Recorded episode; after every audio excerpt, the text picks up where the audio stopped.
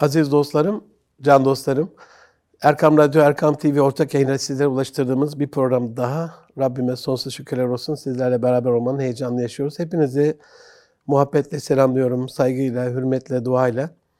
Ee, çok önemli bir e, hocamla birlikteyiz ve çok önemli bir konuyu konuşacağız. Ee, programlarda böyle demem ama lütfen bizden ayrılmayın. Ee, değerli hocam Nurettin Yıldız ile beraberiz. Hocam hoş geldiniz diyelim. Hoş buldum. Allah razı olsun. Teşekkür ederim. Allah razı olsun. İşiniz vaktinizden çok biliyorum ama hüsnü kabul gösterdiniz. Hepimizin. Hepimizin. Hepimizin işi Bizde vaktinde. tembellik var hocam. Siz, Estağfurullah. sizi takibe çalışıyoruz ama takipte bile tembelliğimiz var. Kaldı ki hayırlı işlerde Allah razı olsun koşturuyorsunuz. Ee, Bir yaz döneminde program planladım hocam.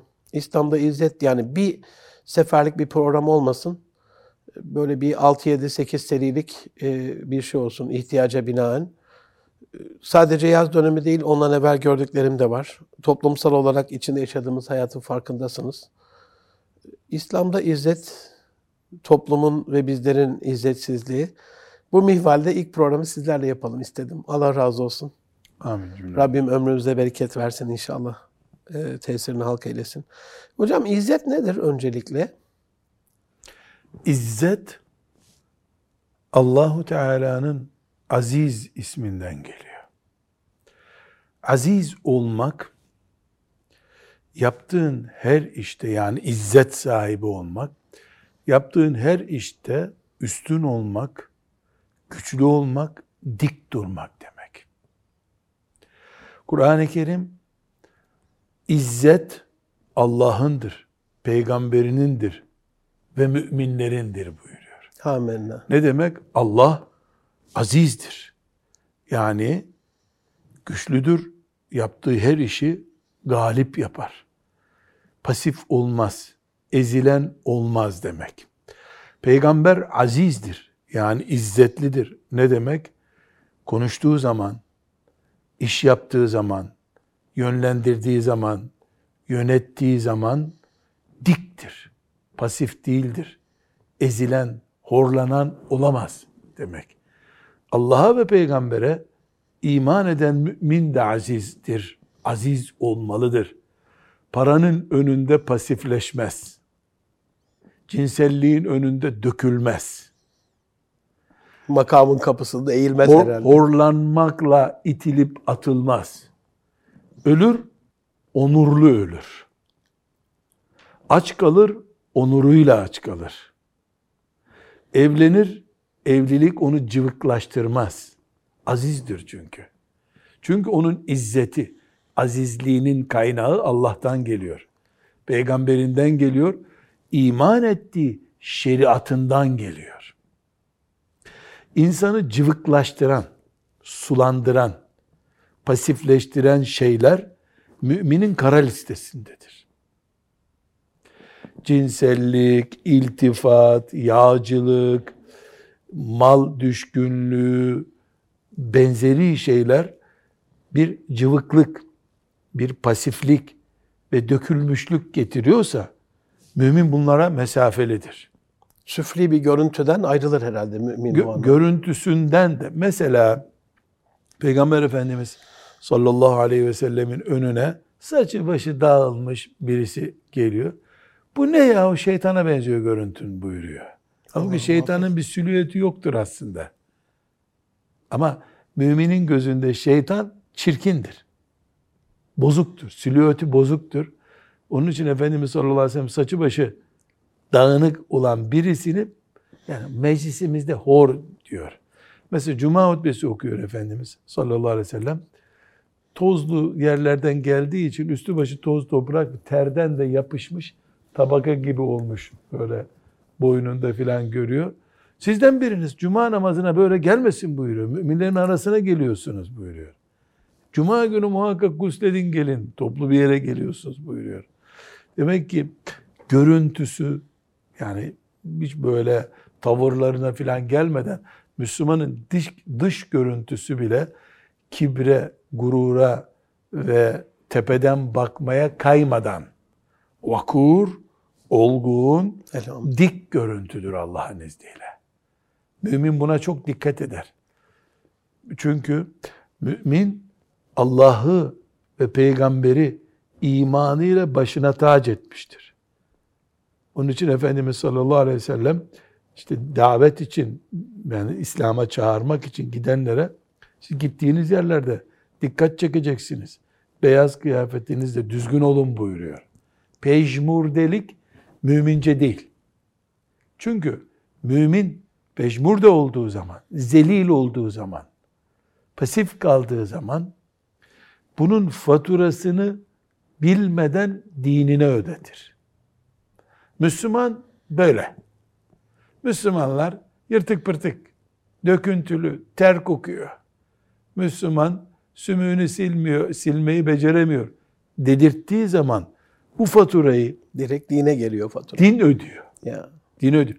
Esasen insanlık sorunu bu. İnsanın sorunu yani insan işte adı üstünde insan peşmurde dağınık Paskalya böyle dolaşıyor görünüyor ama Müslümanın bir iddiası var. Allah'a iman bana yeni bir kimlik verdi diyor Müslüman. Peygamberin sallallahu aleyhi ve sellem örnek olması bana yeni bir şahsiyet kazandırdı diyor. Dolayısıyla Müslüman sever. Ama sevgisi onu şahsiyetsiz hale düşürmez. Eyvallah. Teşbih, Gibi. Teşbihde hata Gibi. yok hocam. Haşa diyerek. Hani e, Cumhurbaşkanı danışmanı oluyorum. Ondan sonra da normal bir dilenci kıyafetiyle sağa sola gidiyorum. Çok yadırganır herhalde değil mi? Yani ne oluyor diye. Müslüman da Allah'ın halifesi olarak o insan makamından tekrar mümin, muvahhid makamına geldiğinde sözlerinizden şeyi de anladım biraz. Ee, ihsan makamıyla da çok alakalı bir şey, izzet. Onun farkındalığı.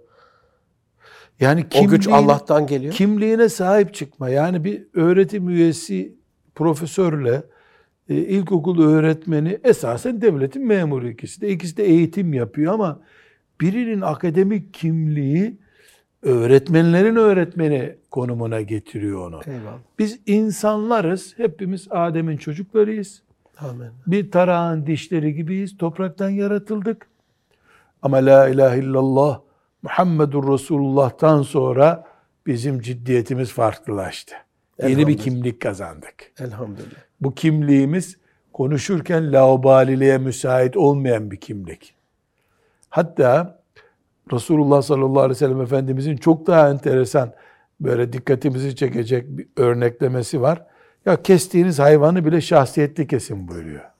Yaptığı bütün işte zaten itkan makamında Ki olma değil mi? so- yani biraz sonra eti yenecek bir kuzu kesiyoruz mesela.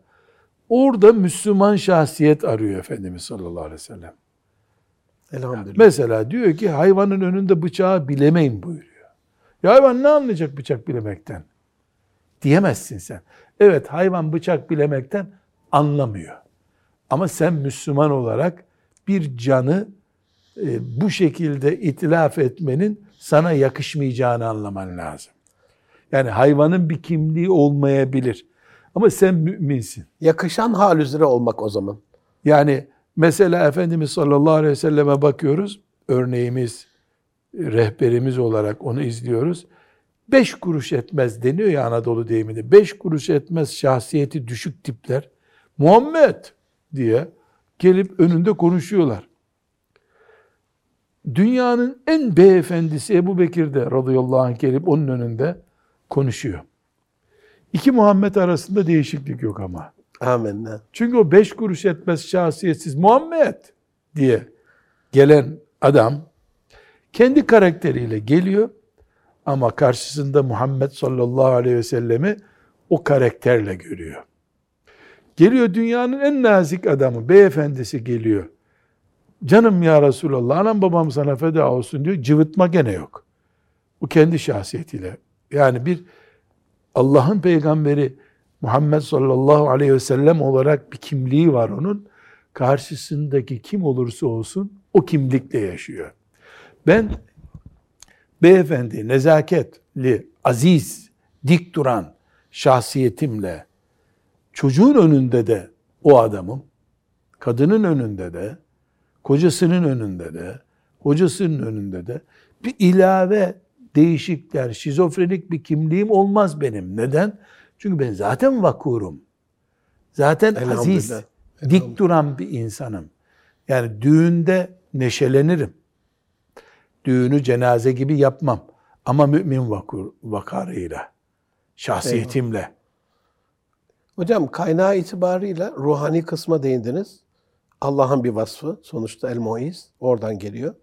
Biraz fiziksel yönüne değindiniz. Ama bedensel bir yönü de var mı? Hani biyolojik varlığımızla. Hani bu izzet e, haram lokmayla bir alakası var mı? Haram lokma peşinde olanların izzet kazanması, kazanmaması. Bedensel bir özelliği yönü de var mı izzetin? Şimdi mümin bir bütün. İmanının çatısı altında bir bütün. Bedeniyle, ruhuyla, konuşmasıyla ayıramayız mümini. Mümin bir bütün. Örnek vereyim. Mesela sakal müminin kıyafetidir. Neden ama? Şimdi fukahaya bakıyoruz. Sakalın üzerinde çok duruyorlar. Kesmek haramdır diye basa basa söylüyorlar. Neden? Çünkü Allah erkeği yüzünde tüy olacak şekilde yarattı. Bunu sıfırladığı zaman, usturaya vurduğu zaman mümin, Allah'ın yarattığı orijinal erkek tipini bozuyor. Bazı fakirler bir parmağı kesmekle sakal kesmeyi aynı görüyorlar. Bu kesme dediğim jiletle sıfırlamayı yani usturaya vurmayı. Neden görüyorlar? Çünkü nasıl Allah Fıtrata muhalefet beş, gibi beş sanki. parmaklı bir el yarattı. Sen birini kesiyorsan fıtrata müdahale ediyorsun. Erkeği de böyle görmek istediği için Allah böyle yarattı. Olağanüstü bir sebep, mücbir bir kanun vesaire. Tekin memleketimizde bir zamanlar bunlar çok gündemde. Ayrı bir konu. Askerdi, şuydu, buydu. Kesilme, yani kesilebilir. O, o, o fıkı konuşmuyoruz. Ama dış kıyafetimizde de Allahu Teala bizi sakallı yarattıysa öyle onurluyuz biz. Bir mümin Allah'ın yarattığı şekilde kalmalı. Tırnağı kesilmeli. Çünkü tırnağı ta ilk peygamberlerden beri temizlenecek bir kir olarak görüyor dinimiz. İşte filan temizlik türünü yapar görür. Mesela mümin ter kokabilir mi? Tarlada çalışırken kokar. Atölyesinde çalışırken kokar. Ama camiye gittiğinde bir mümin meclisinde oturduğunda, düğüne gittiğinde ter kokmaz mümin. Eyvallah. Kokamaz. Hatta mümin ölüyor, cenazesine diri gibi muamele yapılıyor. Ya. Yıkanıyor, kefenleniyor. Yani ciddi bir şekilde parfüm sürülüyor cenazesi. Yıkanırken parfümleniyor. Gömülecek gidecek mis Gömü- kokularıyla gömülüyor yani. O şey niye mümin vakur? Fıkıh kitaplarında diyor ki mezara mesela mezarlığın üstünde basılıp yürünebilir mi? İşte ölünün üstüne taş atılabilir mi deniyor. Çok enteresan bir cümlesi var e, dinimizin. Diyor ki müminin ölüsü dirisi gibidir. Mümin ölüsü bu çünkü. Dolayısıyla mezarlığı çöplüğe çeviremiyorsun. Adam yatarken üstünde yürüyemediğin gibi diri bir adam, yorganın üstüne basıp yürüyemediğin gibi mezarın üstüne de basıp yürüyemiyorsun. İnsan onurlu çünkü. Mümin dubleks onurlu. Çok daha onurlu mümin. İnsan onurlu aslında. Bir de şöyle mi anlayalım hocam? Mesela savaşta da hani düşman askerini ve öldürdükten sonra bile hani onun cesedine işkence yapmak, müdahale etmek yok ya. Hani karşıdakinde izzet olmasa bile hani dediğiniz gibi bir kuzuyu kesiyorsunuz. Hani sonuçta bir hayvan affedersiniz ama kesen kişi Müslüman olduğu için onun izzetine yakışmıyor o kötü kuzuya muamele. göre kuzuya göre kural belirlemiyoruz. Hayvana göre değil. Eyvallah. İnsana göre kural, İnsana kural göre belirliyoruz. İbadette de böyle. Mesela çok enteresan bir örnek zikredeceğim hocam. Ezan okundu, ikamet getirildi. İmam e, namaza dur Efendimiz sallallahu aleyhi ve sellem gününde mesela. E bu belli. Yürüye yürüye gidersen namaza yetişemeyeceksin. Koşup koşup namaza yetişeyim. Bilal Habeşi ikamet getiriyor radıyallahu anh diyenlere ne buyurmuş Efendimiz sallallahu aleyhi ve sellem? Öyle yapmayın. Sokakta yürürken kaçar gibi yürümeyin. Namaza vakarınızla gelin. Yetişebildiğinizi benimle kılın. Yetişemediğinizi sonra tamamlayın buyuruyor. Hani namazda imama geç kaldık mı o selam verince kalkıp tamamlıyoruz ya. Bunun sebebi bu. Halbuki adam namaza yetişmeye çalışıyor. Ama alimler bunu yorumlarken diyorlar ki namaza yetişirken o böyle bir şey çalmış da kaçıyor gibi koşarak Kaldır uldur derler gitmesi, yani Türkçe'de öyle yok. evet prestijini, Yok. onurunu, izzetini zedeliyor müminin. Sırılsıklam terle namaza geliyorsun. yapa yapa derin nefesle rüküye gidiyorsun. Bunu istemiyor Efendimiz sallallahu aleyhi ve sellem. Eyvallah. Burada müminin onuru ile ilgili benim fıkıh kitaplarında dikkatimi çeken çok enteresan bir şey var. Bu askeri tatbikatlar yapılıyor ya. Her devlet kendi içinde yapıyor. Evet. Bir de devletler arası tatbikatlar yapılıyor. Ortak tatbikat. Ortak tatbikatlar yapılıyor. Müslüman devletin ordusu böyle bir tatbikata katılabilir mi diye fıkıh kitaplarında soru var. Diyorlar ki elbette savaşmadığımız bir devlette katılırız. Bu bir eğitim neticede. Devlet için bir tatbikat, Tecrübe eğitim, kazanıyorsunuz. gücünü görüyorsun. Evet. Küçük bir not düşmüşler. Perişan olacağı bir tatbikata katılamaz İslam ordusu diyorlar. Kendini öyle göstermesin diye. Çok enteresan. Yani çünkü sen Müslümanların e, içinde görev yaptığı bir ordusun. Senin orada perişan işte tatbikat da olsa, savaş değil aslında bu. Tatbikat da olsa seni orada paspas gibi ezip geçiyor öbür ordu. Bu caiz değil diyorlar. Bazı benim bu fıkı okurken kitaptan hocamız demişti ki bakın mağlup olacağını bileceği bir güreşe de katılamaz Müslüman demek ki. En azından yarı yarıya şansımız. Yani güreş bildiğimiz güreş. evet. Üstelik de sünnettir. Evet. Helal olan güreş. Amin. Çıplak olmayan güreş. Amin. Kumar için olmayan güreş sünnettir. Efendimiz sallallahu aleyhi ve sellem güreşmiştir. Bizzat güreşmiş Efendimiz. Hatta peygamber olduğu günlerde güreşti. Yani gençliğinde değil. O zaman vardı güreş. Şimdi de var ama şimdiki tabii bir alem yani. Ama Müslüman güreşebilir mi? Mağlup olacağını bildiği bir mindere çıkamaz diyorlar. Neden çıkamıyor? Yani orada mağlup olurken İslam'da bir mağlubiyet e, dalgası görmesin diye. Bu Müslümanın onurunun ki izzet diyoruz bu onura ne kadar değerli olduğunu, ne kadar güçlü bir noktada durduğunu gösteriyor. Aslında namaz değişmiyor. Onurlu veya onursuz, değerli değersiz olmanla namaz değişmiyor, oruç değişmiyor. Ama çok enteresan bir şekilde Müslüman dinine güç katıyor veya dininin gözden düşmesine bireysel olsa dahi gözden düşmesine neden oluyor. Hani denir ya hocaların sarığı beyaz. E, beyaz sarık diye bir şart yok aslında da yani öyle biline gelmiş. Beyazdır sarık leke kabul etmez deniyor. Her Müslüman için aslında bu. Alnımız leke kabul etmiyor bizim. Bu çok önemli bir nokta. Çünkü şahsiyeti zedelenmiş, onuru parçalanmış Müslümanlardan oluşan bir toplum İslam'ın hayata e, örnek olarak geldiği şartları oluşturan bir toplum olmuyor, olamıyor. Maalesef. Problemimiz buradan kaynaklanıyor. Allah razı olsun hocam. Bir de toplumsal olarak baktığımızda şimdi son yüzyılımızda özellikle baktığımızda sanki hani İslam gerekli olan bir şey değil.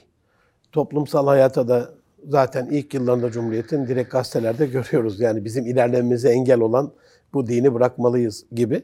Ama hani oradan bugüne geldiğimizde son 20-30 yıla baktığımızda Menderes merhumdan bu yana daha doğrusu baktığımızda hani dinin biraz daha yaşanabildiği, biraz daha ferahlanılan en azından hani manilerin ortadan kalktığı bir dönem gibi düşünürsek e, tabii ki ideal değil ama e, yine de bizim tarafta, bizim mahallede sanki Allah haşa bize yetmiyormuş gibi, sanki Müslümanlık kisvesi bir ünvan, bir title olarak üzerimizde zulmüş gibi. Özellikle acılarımızı biliyorsunuz, dertleşiyoruz sizinle.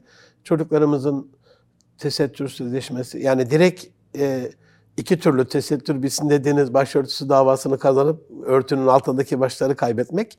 Bir de direkt başörtüsünü kaybetmek. İki türlü de bir toplumsal bir cinayetin ortasındayız. Makam mevkiyesi olarak yani benden bir şey isteniyorsa canım görevimi yapıyorum yani. Cuma'yı kılmasam da olur, namaz olmasa da olur gibi. Tavizlerin böyle zirvede olduğu bir şeydeyiz, bir dönemdeyiz. Ee, hakikaten İslam Müslümana yetmiyor mu? Neden bu öbür tarafa tav olma, öbür tarafın peşinde koşma?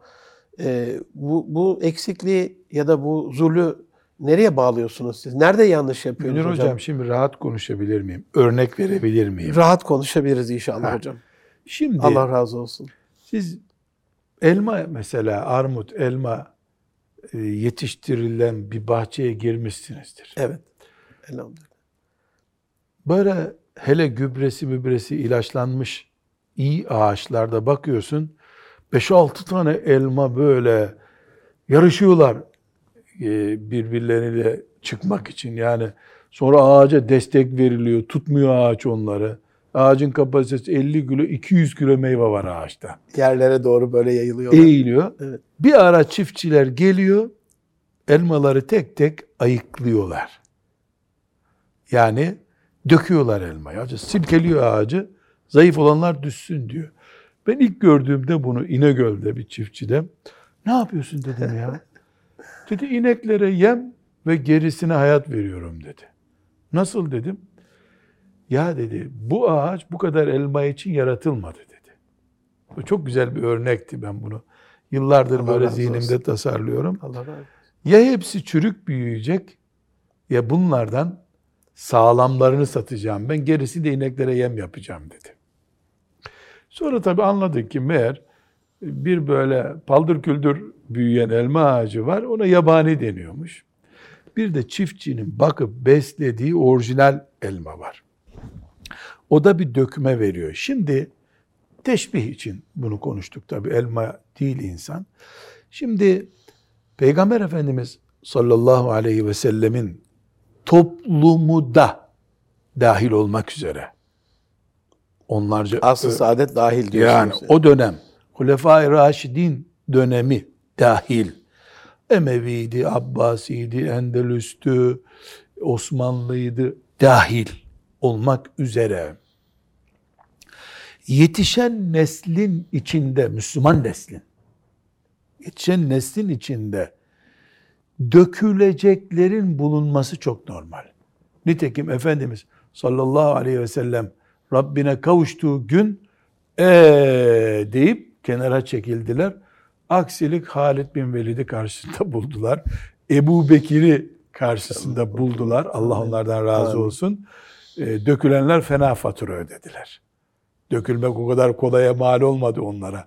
Ama Efendimizin mübarek hayatının e, gününde biz Müslümanız diyen belki de onu göremeden Efendimizin vefa mesela Necit'te şurada burada Müslüman yani sahabi değillerdi belki ama o güneşin yere kadar indiği o mübarek günlerde bile dökülme oldu. Endülüs'te devlet, İslam, hayat, İslam olduğu günlerde dahi Endülüs'ün yeşillikleri, fetihlerden gelen paralar döktü bazı meyveleri. Osmanlı'da da oldu bu. Bu önlenemez. Toplum 10, 5, 20 ne kadarsa farklı ailelerden çocuklar üretiyor ve bunlar hepsi ezan duyarak büyüyor.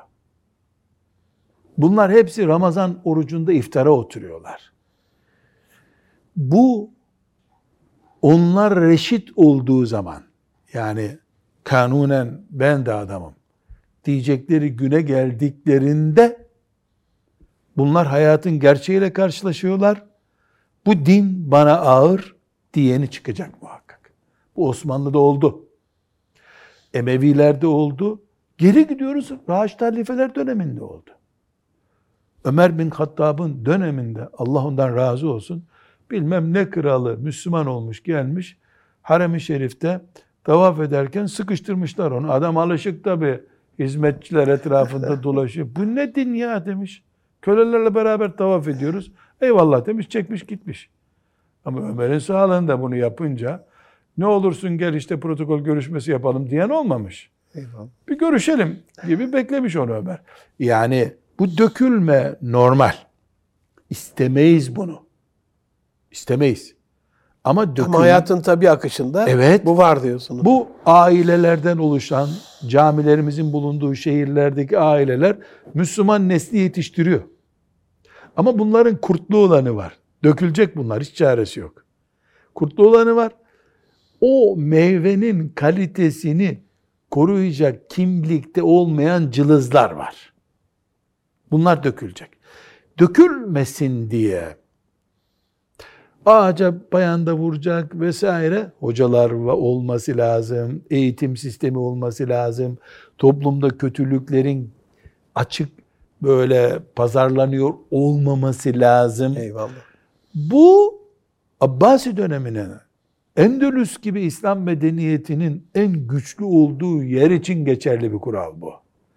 Dönüp gelelim şu sizin bahsettiğiniz sekülerist ve küfrün her zaman gücü elinde tuttuğu, medyasıyla, şusuyla, busuyla güçlü olduğu ve dışarıdan her türlü menhiyatın yağmur gibi aktığı bir toplumda gençlerden bir kısmının ben başımı açacağım demesi, ben oruç tutmak istemiyorum demesi doğal olarak normaldir.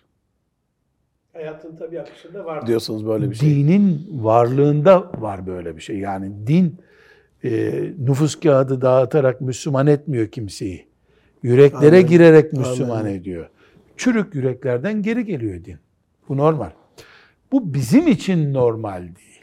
Eyvallah. Biz neredeyiz? Vakıflarımız nerede? Hocalarımız nerede?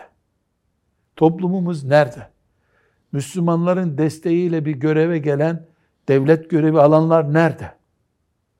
Niye biz hocalar olarak birbirlerinin ayıpları kayıplarıyla uğraşmaya vakit bulabiliyoruz? Ağacımızdan bir sürü meyvanın döküldüğü bir zamanda. Konuşulması gereken budur.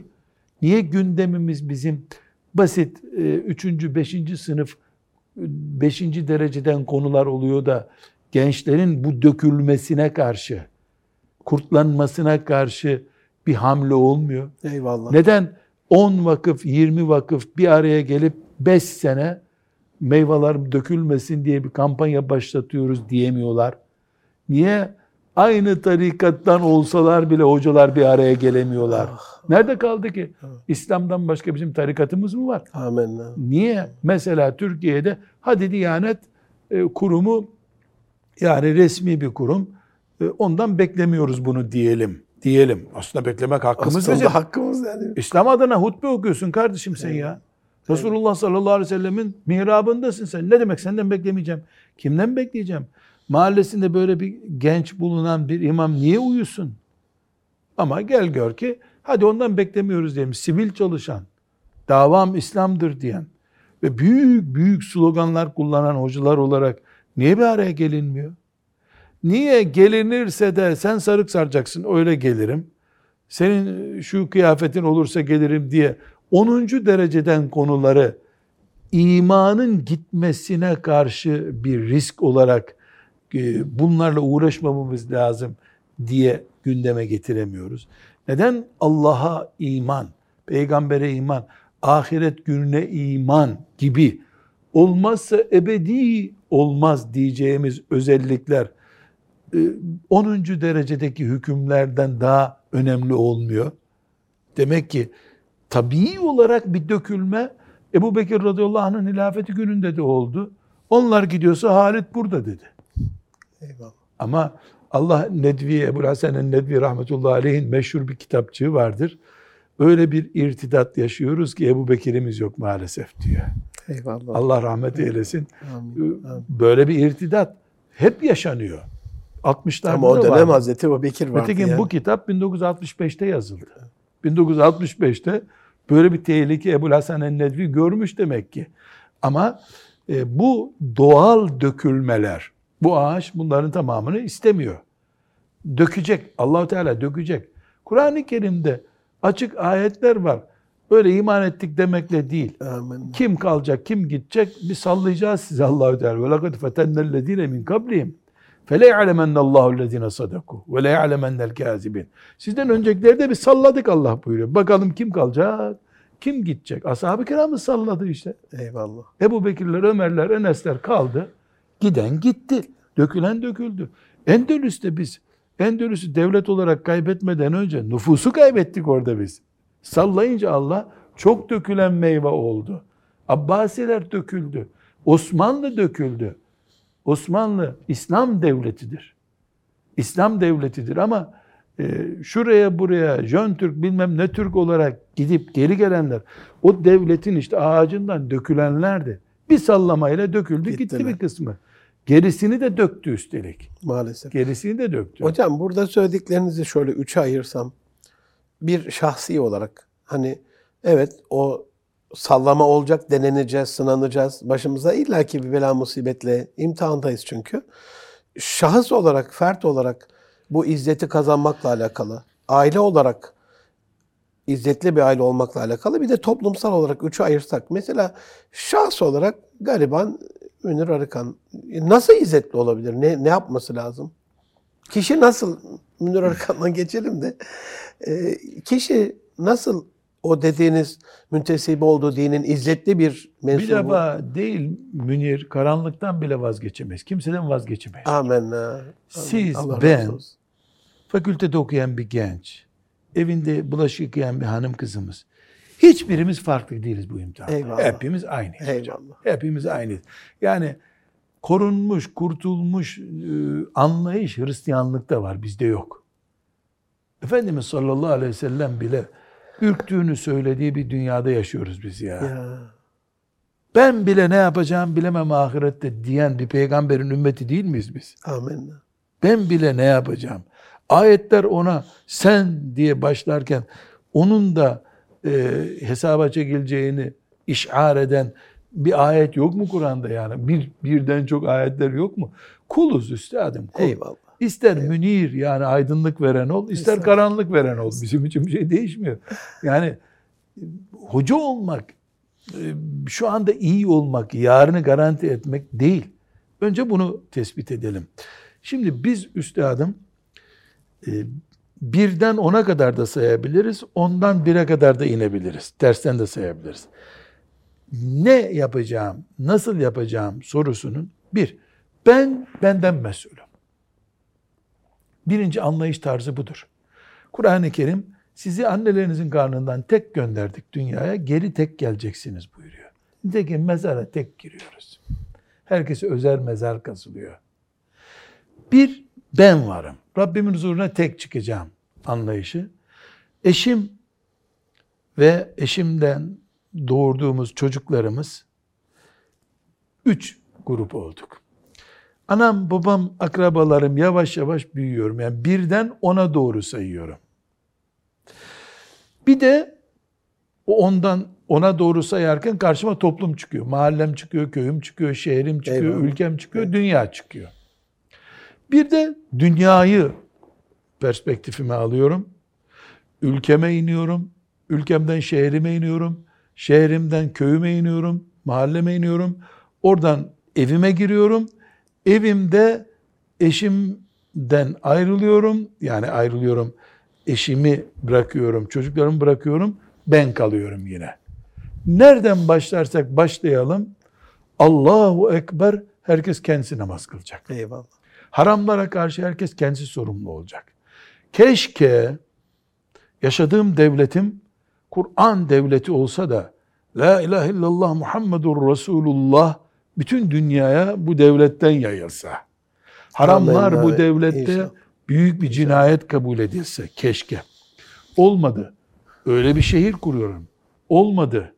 Öyle bir mahalle kurarım. Olmadı. Öyle bir site oluştururum. Olmadı. Öyle bir ev kurarım.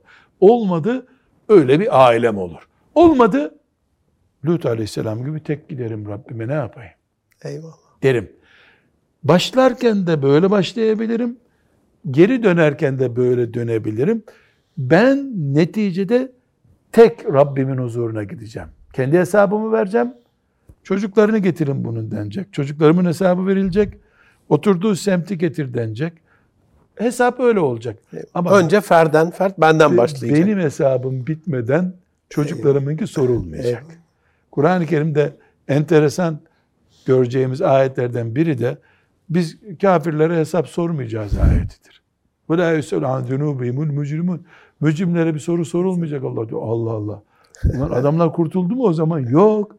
Çünkü şarteli bitmiş olacak onun. İman yok, müşrik, kafir. Sen niye çocuğunu dövdün? Sorulmayacak ona. Niye sorulsun ki? Eyvallah. Niye sorulsun ki? Zaten yok. Yani cehennemde. Çağırın cehennemde bir, bir puan daha eksi verin buna gibi olacak.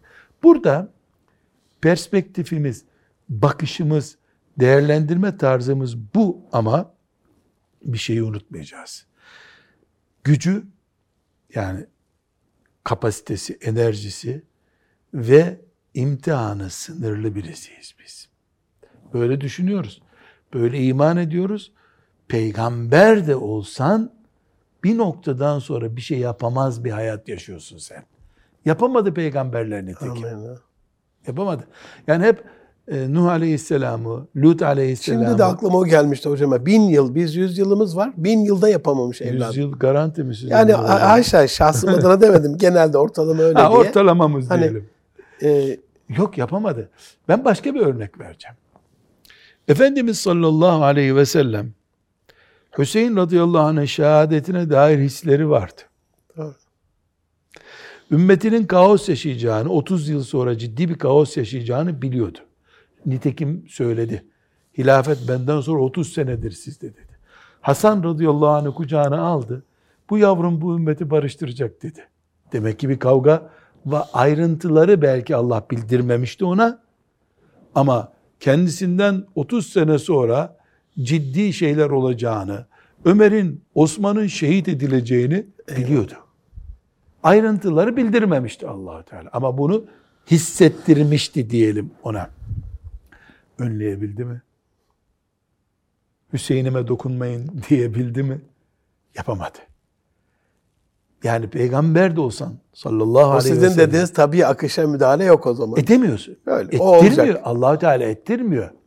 O zaman ne olur? Yukarıdan yönetilen bir insanlık profi- profili olur. Yani kumanda insanda değil, hesap kalkar. Kime hesap soracak Allahu Teala? Her şey. Yani biz mesela gök taşları birbiriyle çarpıştı diye kıyamet günü hesap vereceğiz mi? Biz mesul değiliz. E, din de manuel olarak diyelim bugünkü ifadeyle manuel olarak hep biz şey yapmıyoruz. Yani otomatik namaza kaldırılıp indiriliyoruz. Bir kısmımız namazdan yani yapı olarak biz gitmiyoruz camiye de yani otomatik gidiyoruz fark etmeden. Uykumuz geldiği gibi namazımız da geliyor olsa hesabın mantığı yok o zaman. Amin. Dolayısıyla biz bu onurlu mümin anlayışımızda, bu dik duruşumuzda, bu vakarımızda takatımız var. Bizi kelepçeleyebilirler. Biz el uzatmayız buyurun kelepçeleyin diye. Bizi ağlatabilirler. İnsanım çünkü. Ama ağlamak için soğanı gözüme sıkmam. Örnek vereyim böyle yani. Yapay Rol icabı Ha, olmaz rol, bu iş. Rol yapmayız. Eyvallah. Ciddiyiz biz. Ama bu arada tabii ki gömleğimi yırtmış, beni perişan etmiş olabilirler. Ama kurtlar gömleğimi yırtar benim. Ku- Kurt beni parçalar. Ben gidip yem olmam kurda Eyvallah. diye düşündüğümüz zaman haddimizi bilmiş oluyoruz. Yani biz uçsuz bucaksız bir dünyada yaşıyoruz ama uçsuz bucaksız bir gücümüz yok. Çok sınırlıyız. Eşimize karşı bile sınırlıyız. Çocuklarımıza karşı sınırlıyız. Kesinlikle. Mesela siz eğitimcisiniz. Hayat öğretiyorsunuz insanlara. Bir anne baba zengin, güçlü, siyasi otoritesi var. Herkes onun önünde ödü patlıyor. Yani haşa böyle bir elini kaldırsa beş kişi önünden temizleniyor. Eşine karşı güçlü müdür bu adam? Sınırsız. Bu, bu gücü eşinde var mıdır? Asla. Çocuklarına karşı böyle bir gücü var mı? Duadan başka bir gücün olmadığını gördüm hocam yani. Yani onlarca ailede görmüştünüz siz bunu. Yüzlerce ailede görmüşsünüzdür. Yani ben öyle kardeşlerimizle tanışıyorum ki Onun önünde ben bile dikkatli konuşayım diyorum. Adam heybetli biri. Fakat çocuğundan konuşmaya başlayınca ağlıyor adam. Ben bu değilim hocam diyor. Sen o çocuğun önünde olsun aslında. Çocuk da babasının önünde odur, baba da çocuğun önünde odur. Bu hayat uçsuz bucaksız sorunlar getiriyor. Uzaya bakıyorsun, insanlığın dertlerine bakıyorsun. Yani matematik bile yeterli değil. Rakamlar yeterli olmuyor zannediyorsun. Ama sen sınırlısın. Hayatın sınırlı. Söz imkanın sınırlı. Malın sınırlı. Bütçen var. Bütçen var ne demek? Bir rakamla ilgili bir bölüm var demek. Yer gök senin değil. Bir mahkumiyetin, mecburiyetin var, bir Evet. sınırın var. Çe- Bir de bırak hocam. Şimdi ben bütün kardeşlerimize e, ibretlik bir örnek vereyim. Hep Buyurun. Siyonizm, işte dünya medyası, internet filan böyle çocuklarımızı berbat eden, bizi güçsüz bırakan şeyler olarak internet mesela. Büyük bir sorun. İnkar etmiyorum öyle. Ama daha büyük, internetten büyük bir sorundan söz ediyorum. Nedir hocam? Ben, siz, bir Müslüman kardeşimiz, çocuğumuzu eğiteceğiz, adam edeceğiz, onurlu bir Müslüman yapacağız. Çocuğumuzun teyzeleri, halaları, dayıları, bütün birinci derecedeki akrabamız. Benim bu çocuk yetiştirme mücadelemde arkamda mılar? Olabiliyor mu? Olamıyor. Teyzelerinden biri bu çocuğu böyle niye perişan ediyorsunuz diyor. 10 yaşında bu çocuğu niye uzun etek giydirdiniz diyor. Deliniyor mu bizim balonumuz bir yerden? Deliniyor. Teyzesinin sözünden çocuk, kız çocuğu etkilenmez diyebilir misiniz? Anne yarısı. Direkt. Dayısı sigara içen bir çocuğa sigaranın kötülüğünü nasıl anlatacaksınız? Aslında bizim internetimiz... Kişiden aileye geldik şu anda. Ya bizim internetimiz, internet ağımız var aslında. Var internet aslında. icat edilmeden de bir ağdık biz. Onun için bu dünya çok sınırsız denecek sorunları sınırlı imkanlarla yaşayacağımız bir dünyadır. Eyvallah. Bu bir gerçek. Eyvallah. Bunu kabul etmemiz pasif mi yapar bizi? Hayır. Hazırlıklı yapar. Hazırlıklı oluruz. Yani bitmez tükenmez bir hazineyi harcamadığımızı, sabır bitmez tükenmez bir şey mi? Amenna. Sabrederseniz sonuna kadar. E, Eyüp Aleyhisselam mısınız siz? Haşa. Çok sabır örneği var mı çevrenizde? Sabır sınırlı hocam. Bitiyor bir gün. Bittiği için de evladımı sildim coğrafyadan diyorsun. İki gün sonra da ağlıyorsun ama. Silemiyorsun. Bu hayat böyledir. Buna rağmen vakur, dik duran, Allah'la beraber olmayı, Peygamber aleyhisselam ve şeriatıyla beraber olmayı en mutlu kaynağı olarak kabul eden mümin olacağız. O yangının içinde bile. E, İbrahim olmak bu işte. Eyvallah. Yanarken bile ey Rabbim diyeceksin. Yandım su getirin falan demiyorsun. Ey Rabbim diyorsun. Yardıma gelen de Cibril yani. Bu İmdat yok. bunu hissettiğimiz zaman biz dağlardan düşmüyoruz. Eyvallah. Parçalanmıyoruz. Eyvallah. Buradaki e, aile olduğu zaman, bunu becerdiğimiz nokta aile olduğu zaman hiçbir kötülük o aileye zarar veremiyor. Tam O zaman- soracaktım sevgili hocam ya. Programı da yavaş yavaş sonuna geldik. Ee, bütün dediklerinize mutabıkız. Amenna. İşin bir fıtri akışında Allah Resulü'nün döneminde yani yüzde iki buçuğu çok bulan şey olmadı mı? Gelip ben bu kadar zekat veremem diye. Üstelik sıfırdan oralara gelen. Bu tamam ben tabii seni, senin fakirlerin için çalışmadım dedi adam. beyana bak yani ve bunu kime söylüyorsun? İman Tamam. ettiği peygamberine. İman ettiği pe- Tamam burada mutabıkız ama bir de lütfen gençliğinize gidin. Hani ben de 55 yaşındayım. Az çok hatırlıyorum. Yani tamam devrimler olmuştu, şunlar bunlar olmuştu. Kur'an-ı Kerim yasaklanmıştı. Dilimiz gitmişti. Ezanı Muhammedi susturmuş falan falan. Ama o dönemde bile yok muydu hocam kurbanınız olayım. Ya ne güzel izzetli bir hayat yaşıyor dediniz. Hocalarınızdan Aklınıza gelen örnekler, siz yetiştiren üstadlarınızdan. Ha, o dönemde de o izzetle yaşanmadı mı yani? Said Nursi'yi rahmetullahi aleyh nereye koyacaksınız? Ha. Ali Aydar Efendi dört defa istiklal mahkemelerinde idamla yargılanmış. Nereye koyacaksınız? İskilipli Atıf'ı ne yaptınız siz ya? Eyvallah. İskilipli Atıf'ın mahkemedeki dik duruşu. Yani biz sıfırlansaydı izzet bugün Müslümanlığımızla bağımız biterdi hocam. Zincir hiç kopmadı. Dolayısıyla devam etti. Zincir hiç yok kopmadı. Elhamdülillah. Ama ne oldu? Yüzler onlara düştü. Amin. Onlar bire ikiye düştü. Ben e, ısrarla bunu söylüyorum. Bu ülkede 1930'la diyelim 50 arasında resmi bir Kur'an kursu yoktu. Tek tük işte 40'lardan sonra İmam Hatip şeyi başladı diyelim. Bir 20 sene ezan yok, Kur'an yok. Ya. Sessiz sedasız bir toplum. Namaz niye unutulmadı hocam? Niye unutulmadı? Çünkü neneler taharet öğretir gibi namaz öğrettiler çocuk. Eğri büğrü, mekruhlu, sünnetleri olma ama öğrettiler. Ama yaşattılar onu yani. Allah, ahiret, Allah melek razı inancını dedeler gizlice torunlarına aşıladılar. Bebeklerini sallarken kelime-i tevhid söylediler. Elhamdülillah. Medresemiz yoktu, neneler medrese oldu. Ev medreseleri. mi? Elhamdülillah. Dolayısıyla bütün bu azamet, bu bu kudret sıfır olsaydı biz bugün dini unutmuş olurduk. O hiç Allah. olmadı. Hiç olmayacaktı Allah'ın izniyle. Elhamdülillah. Son bölümü bir umutla bitirelim inşallah. Allah razı olsun katkıların için hocam. Hani biraz da böyle ferahlatalım istiyorum. Yani dinleyen dinleyenlerimiz, izleyen, seyir, seyreden izleyenlerimiz ümit var olsunlar adına.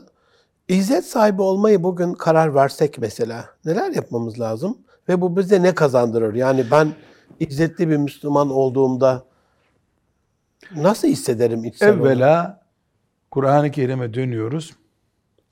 Efendimiz sallallahu aleyhi ve sellem Allahu Teala o ilk peygamberlik yılında ey peygamber kalk diyor. Kum Enzir. ve rabbeke fekebbir ve thiyâbeke fetahhir ve rucze fehcur. Ey peygamber kalk ve Allah'ı an ve üstündeki pisliklerden, çevrendeki pisliklerden arın. Bugün biz yorgana bürünmüş, pısırık Müslümanlarsak, La ilahe illallah demekle gurur duyup kalkacağız. Yani ne olacak?